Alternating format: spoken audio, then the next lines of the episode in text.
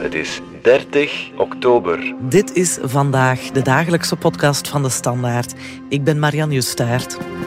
Een slordige 3% van de Vlamingen geeft bloed, terwijl liefst 70% ooit bloed nodig heeft. Hoe komt het toch dat dat verschil zo groot is en blijft? Misschien moeten we donoren beginnen betalen. Dat idee ligt immers op tafel in Europa. Nu de herfstvakantie begonnen is, dreigt de bloedvoorraad te slinken, dus er is weer werk aan de winkel. Wij trokken naar een donorcentrum van het Rode Kruis Vlaanderen om dit thema eens bloedserieus te onderzoeken.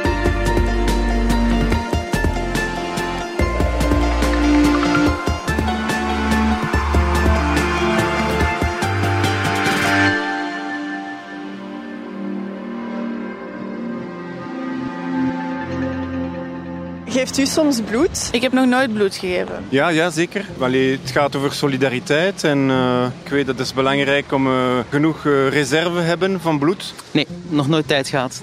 Helemaal onderaan de to-do-list. ja, om ja, mensen te helpen, natuurlijk. Ja. ja, maar ik ben daarmee flauw gevallen. nee, omdat ik daar heel slecht tegen kan. nee, zelfs nog niet. Gewoon geen idee. Tijd, ik weet het niet. ja, nou, we weten dat er vaak tekorten zijn. Ja, ik heb al bloed gegeven, maar ik, ik vond dat geen aangename ervaring. Dus dan, uh, ik doe dat niet meer. Heel eenvoudig. Ik heb geen tijd voor. Uh, nee, nog niet. Misschien dat ik dat in de toekomst wel een keer zou doen. Ja, ik heb wel al bloed gegeven. Want mijn opa die had leukemie en die is langer kunnen in leven blijven door bloed te krijgen. Dus die wil ik de anderen ook gunnen. Collega Cato van Rooij polste in Brussel naar de bereidwilligheid van mensen om bloed te geven. En wat blijkt, daar waren de mensen opvallend solidair. Maar de cijfers liegen er niet om, maar een goede 3% van de Vlamingen geeft bloed. Bloedafnames organiseren is bij ons een taak van het Rode Kruis, meer bepaald het Rode Kruis Vlaanderen. Heel concreet, zij zoeken eigenlijk voortdurend mensen die bloed, plasma of bloedplaatjes doneren aan mensen die het nodig hebben. We gaan naar het donorcentrum in Brussel en het toeval wil dat ik, Marianne, zelf een donor ben en dus maar ineens de daad bij het woord voeg voor de podcast. Cato houdt dan de handen vrij om op te nemen. Marianne en ik zijn uh, op weg naar het Rode Kruis. In uh, centrum Brussel, dat is tegenover het goudblommetje van papier in de Cellenbroerstraat. Hier is het in die garage binnen zo, amai. Oh, ze zijn hier precies aan het... Uh... En hier zijn ze aan het klussen met de werfradio. Voilà. Vandaag geef ik plasma. Plasma is een bestanddeel van bloed dat voor meer dan 90% uit water bestaat, maar wel van levensbelang is voor mensen met bijvoorbeeld stollingstoornissen of baby's met geelzucht enzovoort. Plasma geven duurt iets langer dan bloed geven, bij mij ongeveer een half uur. En met alles erop en eraan ben ik een klein uurtje weg. Plasma duurt langer omdat het bloed terechtkomt in een centrifugetoestel dat het plasma scheidt van de rest van het bloed. Plasma gaat naar de zak en de rest, denk aan rode bloedlichaampjes, witte bloedcellen enzovoort, krijg je terug in je lichaam. Er is niet zoveel volk, hè? Nee. Hallo. Ik ben Marianne Nustraat. Ik heb een afspraak hier om plasma te geven. Mag je iets aanbieden voor te drinken? Dat is altijd een goed idee. Je hebt al plasma gegeven, je weet dat dat belangrijk is. Uh, ik graag wat warm koffie, thee, soepje. Mag je daar dan eerst nog? Ik ga eerst nog een persoon verder helpen en dan kom ik terug naar ja. jou en dan kan ik jou al inschrijven. Supergoed, dankjewel. Hè. Merci. Ik heb bloedgroep A positief. Dat is een van de meest voorkomende bloedgroepen samen met O. En daarnaast heb je nog bloedgroep B en bloedgroep AB. Die laatste bloedgroep AB dus kan van iedereen bloed krijgen en O kan aan iedereen geven.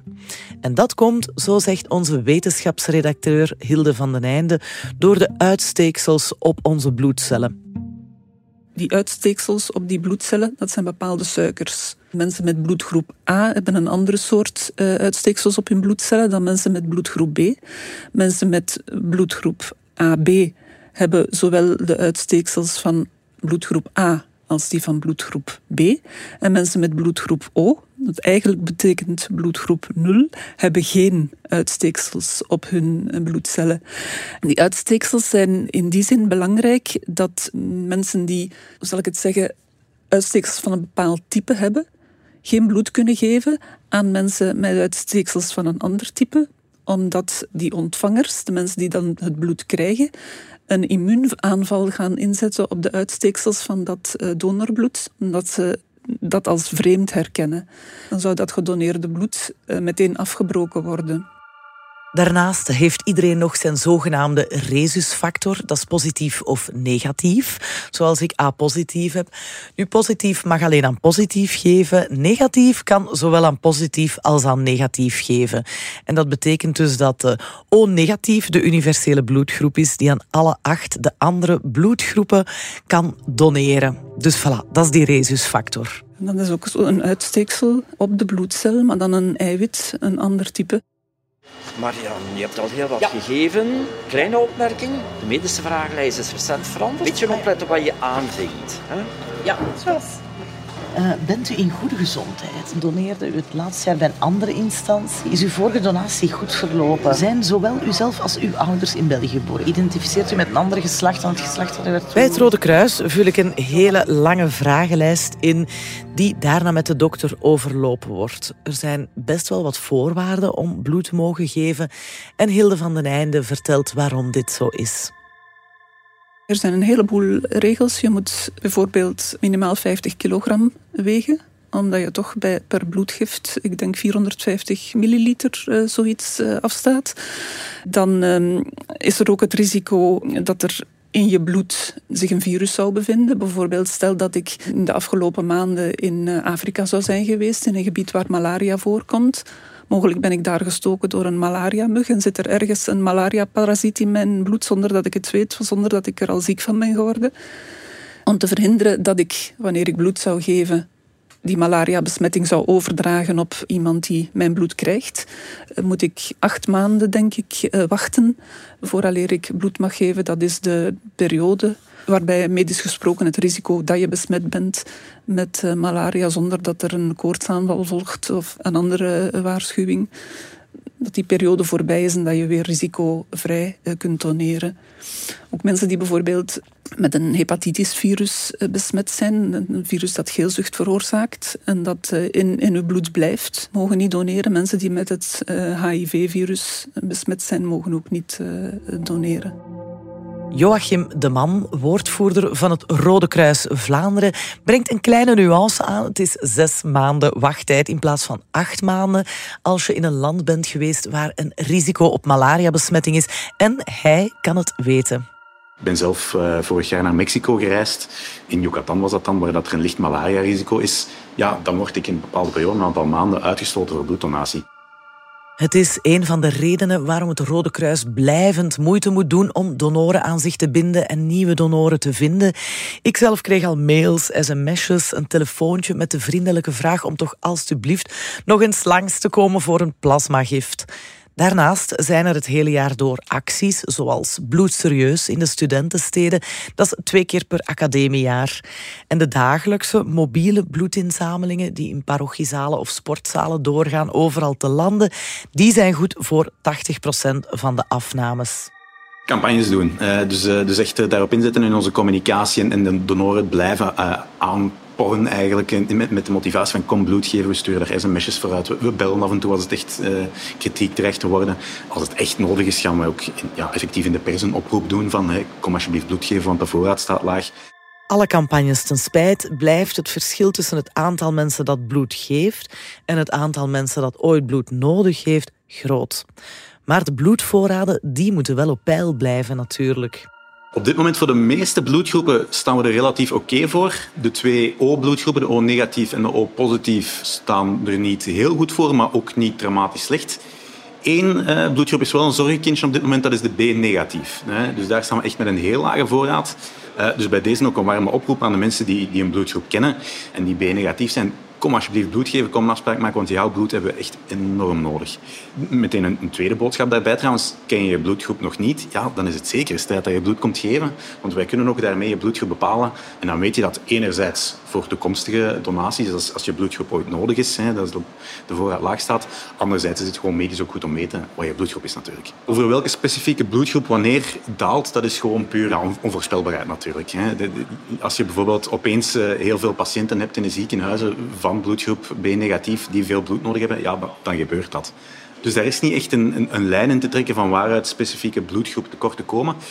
Wat we wel zien, eh, een effect algemeen dan over alle bloedgroepen heen, is dat bij vakantieperiodes er altijd een dip is. Dus we zien dat in de zomervakantie, we zien dat in de kerstvakantie, in de paasvakantie, de herfstvakantie die er nu uh, aankomt. Dan zien we altijd effectief dat het aantal donoren dat bloed komt geven even daalt. Hè. Soms gaat dat over een kleine daling, 5%, soms gaat dat tot 15%, in extreme gevallen zelfs 20%. En dan moeten we inderdaad, ja, zowel de periode daarvoor even proberen een tandje bij te steken om, om daarop voorbereid te zijn, als de periode daarna even proberen in te halen om dus die, die achterstand wat goed te maken. Want het probleem daar is, bloed blijft eigenlijk maar 42 dagen goed. Dus je kan niet op een bepaald moment zeggen van we doen een massale campagne. Hè. We proberen tienduizenden mensen in één keer bloed te laten geven en dan hebben we bloed voor, uh, ik zeg maar iets, een half jaar. Nee, zo werkt het niet. Na 42 dagen is die hele voorraad nutteloos geworden. En daarom hebben wij een constante instroom van die, van die donoren nodig. Misschien moeten de voorwaarden om bloed te mogen geven wel wat versoepeld worden. We vragen het eerst aan Hilde van den Einde. Hilde, er zijn tekorten. Uh, dat hebben we Joachim ook horen zeggen.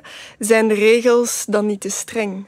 De regels uh, zijn gebaseerd op medische kennis. Dus ik, ik zou niet durven te zeggen dat de regels te streng zijn. Het Rode Kruis moet er natuurlijk in de allereerste plaats op letten dat bloed dat wordt getransfuseerd veilig is voor de patiënt die het krijgt. Zij, zij kunnen niet het risico nemen dat iemand uh, malaria oploopt of, of HIV of, of, hepatitis, doordat zij hun criteria te los hebben, hebben opgesteld. Ja, ook is er enige controverse over de strenge regels die homoseksuele mannen worden opgelegd. Sommige homomannen met een lange monogame relatie voelen zich gediscrimineerd door het Rode Kruis. Wij spreken altijd heel bewust over mannen die seks hebben met mannen en, en niet over homoseksuelen, omdat geaardheid absoluut geen rol speelt. Dat is weer Joachim de Man. Het gaat hem puur over risicogedrag. Wij sluiten uh, donoren voor een bepaalde periode uit als ze risicogedrag vertonen. Ik heb daarnet gezegd, ik ben op reis geweest in Mexico. Dat is risicogedrag. Zo is ook seksueel gedrag soms risicogedrag. En dus, als een man seks heeft met een man, is dat effectief wetenschappelijk aangetoond dat dat een risicogedrag heeft met een hogere kans op uh, infectie. Ja, dat is een eh, voorzorgsmaatregel die je kunt vergelijken met die wat betreft mensen die in Afrika zijn geweest en mogelijk geïnfecteerd zijn met de malaria-parasiet. Mannen die seks hebben met mannen eh, lopen statistisch een hogere kans op besmetting met HIV, het HIV-virus, eh, dan andere bevolkingsgroepen. Er zijn manieren om de aanwezigheid van HIV in donorbloed aan te tonen, maar er is een venster van een maand of drie, vier, waarin die tests minder betrouwbaar zijn. En daarom wordt aan uh, mannen die seks hebben met mannen gevraagd om vier maanden te wachten alvorens bloed te doneren na de laatste keer dat zij seks hebben gehad met mannen. Oké, heel veel strenge voorzorgsmaatregelen die dus wel degelijk uh, steek houden en stand houden. Nu, ik heb groen licht gekregen ondertussen in het donorcentrum na een bezoekje bij de dokter. Alles was in orde. Ik mag doneren en ik maak me dus klaar voor de prik. Verpleger Luc Verboven is de prikker van dienst. Hij werkt al jaren voor het Rode Kruis en heeft voor iedereen een vriendelijk en bemoedigend woordje klaar. Heb je een voorkeur aan hem? Ja, liefst uh, links. Liefst Als dat goed, ik heb dunne adertjes, maar uh, omdat ik mij rechts aan schrijf, maar ik moet eigenlijk veel meer schrijven. Dus. Ik dacht te zeggen, schrijf je nog ja. Als links gaat, hè. Voor mij is dat perfect. Het is nu voor de podcast, dus er mag niks fout lopen. nee, nee, ja, Het is niet onder druk te zetten, maar... Dan gaan we nu dit, ja. dat kent je, het bandje aanspannen. Oké, okay, de prik. Oh. dat is nu niet mijn lievelingsmoment. Prik. Ik heb toch weer bewogen, hè. Sorry. Doet wel een beetje pijn? Ja, je voelt dat wel, maar pijn doet dat eigenlijk niet. Dat is een beetje verschieten, hè. Ja. Nee, ik kan niet zeggen dat dat pijn doet, maar dat is zo gewoon het idee. Ja, dat is psychologisch, hè. Het zit tussen de oren. Voor veel mensen is die prik en dat bloed er te veel aan. Dan is de vraag: zou het helpen als mensen betaald worden voor een donatie? Zou geld hen kunnen overtuigen om zich toch te laten prikken en toch dat bloed te doneren?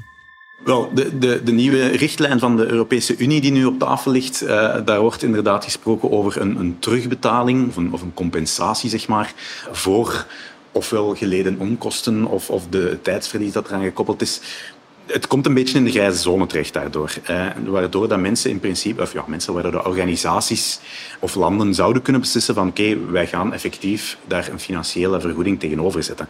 Of een, dagverlof bijvoorbeeld geven, uh, wat grote voordelen eigenlijk, zeg maar. En uh, daar maken wij ons inderdaad wel zorgen over. In die zin, eigenlijk is vrijwillige en gratis donatie een van de belangrijkste ja, basisvoorwaarden voor veilige bloeddonatie en duurzame bloeddonatie. Maak even de link naar de USA, naar de Verenigde Staten. Daar worden Amerikanen 50 à 80 dollar ongeveer betaald voor een plasmadonatie. En ook nog eens uh, kunnen ze twee keer per week plasma komen geven. Daar waar bij ons de limiet ligt op één keer om de twee weken. Dus heel wat frequenter. Er zijn hele arme Amerikanen die daar eh, een deel van hun inkomsten uithalen. En als je natuurlijk ja, als je van dat geld afhangt, om je kinderen te eten te geven, dan ga je misschien uh, niet vertellen dat je uh, de week ervoor risicogedrag hebt vertoond, waardoor dat bloed, dat een deel van je inkomen uitmaakt, besmet zou kunnen zijn. En dat is een risico wat de meeste Europese landen liever willen vermijden. Voor het Rode Kruis Vlaanderen kan er voorlopig geen sprake zijn van betalen voor donaties. Qua duurzaamheid van bloeddonatie en plasmadonatie valt ook heel wat te zeggen. We zien eigenlijk in de cijfers dat landen die met vrijwillige en gratis donatie werken, beter bestand zijn tegen, tegen schokken die een impact hebben op de, op de bloed- of plasmavoorraad. Ik maak weer de vergelijking met de USA, hè, omdat ze daar die betaling hebben. Tijdens corona hebben ze daar een uh, immense schok gezien in het aantal plasmadonaties. Hè. Dus, dus er was opeens een immense dip in, in het aantal mensen die, die plasma kwamen geven door corona. Hier in België, waar we met, met vrijwillige en, gratis donatie werken, hebben we die schok veel minder gevoeld. Dat heeft natuurlijk te maken met het feit dat ja, die, die motivatie op een andere plaats ligt. En als mensen vanuit de motivatie om iets goed te doen, eh, bepaalde zaken doen, gaat dat altijd een duurzamer effect hebben dan eh, omdat ze betaald worden. Er wordt over nagedacht omdat er een tekort is aan plasmadonoren, aan bloeddonoren. Maar voorlopig is men in Europa behoudender wat dat betreft dan in de Verenigde Staten. Ongeveer 40% van ons plasma komt uit de Verenigde Staten. Dat wordt natuurlijk goed getest voor het gebruikt wordt hier. Maar België wil tegen 2025 10% meer plasma bekomen in eigen land, want de vraag slinkt niet. En om dat quotum te behalen worden bijvoorbeeld nieuwe plaatsen voor plasmadonoren gecreëerd. Waarvoor wordt bloed en plasma eigenlijk allemaal gebruikt? Daarover hebben we het straks. Eerst even deze korte boodschap. In de komende 30 seconden verrijken 54 beleggers hun portefeuille. Investeren er daarvan 47 ecologisch verantwoord, nemen 33 cryptomunten terug een duik, waarna 447 miljoen EU-inwoners opgelucht ademhalen omdat de euro lijkt te stabiliseren. De financiële wereld beweegt razendsnel. In onze podcast Stand van Zaken staan hoofdeconoom Koen de Leus en Chief Strategy Officer Philip Gijsels stil bij de financiële trends, zodat u uw blik kan verruimen. BNP Paribas Fortis, de bank voor een wereld in verandering.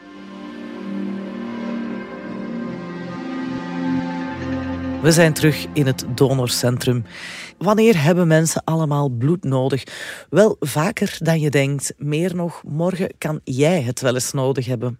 Waar ik dan meteen aan denk, dat zijn mensen die een verkeersongeval hebben gehad en, en daarbij veel bloed verloren zijn. Moeders na een moeilijke bevalling met veel bloedverlies, dat zij bloed toegediend krijgen. Sommige kankerpatiënten die ook eh, frequent bloed nodig hebben. Er zijn ook mensen die lijden aan bepaalde stofwisselingsziekten bijvoorbeeld stollingsziekte. Mensen bij wie het bloed niet of heel moeilijk stolt en die dus bij zelfs een kleine wonde heel veel bloed kunnen verliezen. Heel veel mensen met auto-immuunziektes zijn afhankelijk van medicatie die op basis van plasma wordt gemaakt. En zo zouden we verder kunnen gaan. Ook plasmatransfusies zijn dagelijkse kost. Als je bloed geeft, kan je daar meerdere mensen mee helpen trouwens.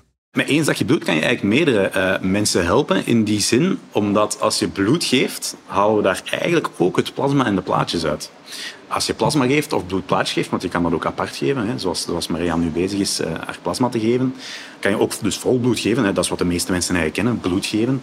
En dan gaan we dat dus scheiden in die drie onderdelen, dat plasma, de bloedplaatjes en uh, de rode bloedcellen, zeg maar.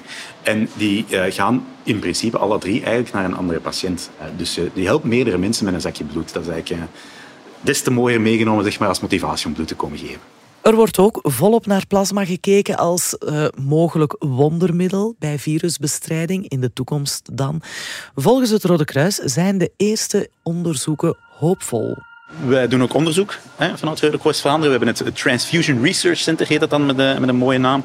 En een recent onderzoek dat we hebben gevoerd, daaruit bleek dat convalescent plasma, dat is een moeilijk woord om te zeggen, uh, het plasma van een persoon die recent een infectie heeft meegemaakt, dat dat een bescherming kan bieden tegen die infectieziekte in kwestie. We hebben dat getest met COVID op hamsters. Dus we hebben eigenlijk gekeken, hamsters die uh, COVID hadden, en dat daar dan een andere hamster werd naastgezet, die, dat we neusdruppeltjes gaven van dat convalescente plasma, die waren veel beter beschermd tegen dus een overdracht van, uh, van COVID. Dus dat is wel hoopvol research. Hè. Stel dat dat effectief bij mensen ook zou blijken, want vooral duidelijkheid, dat moeten we nog testen.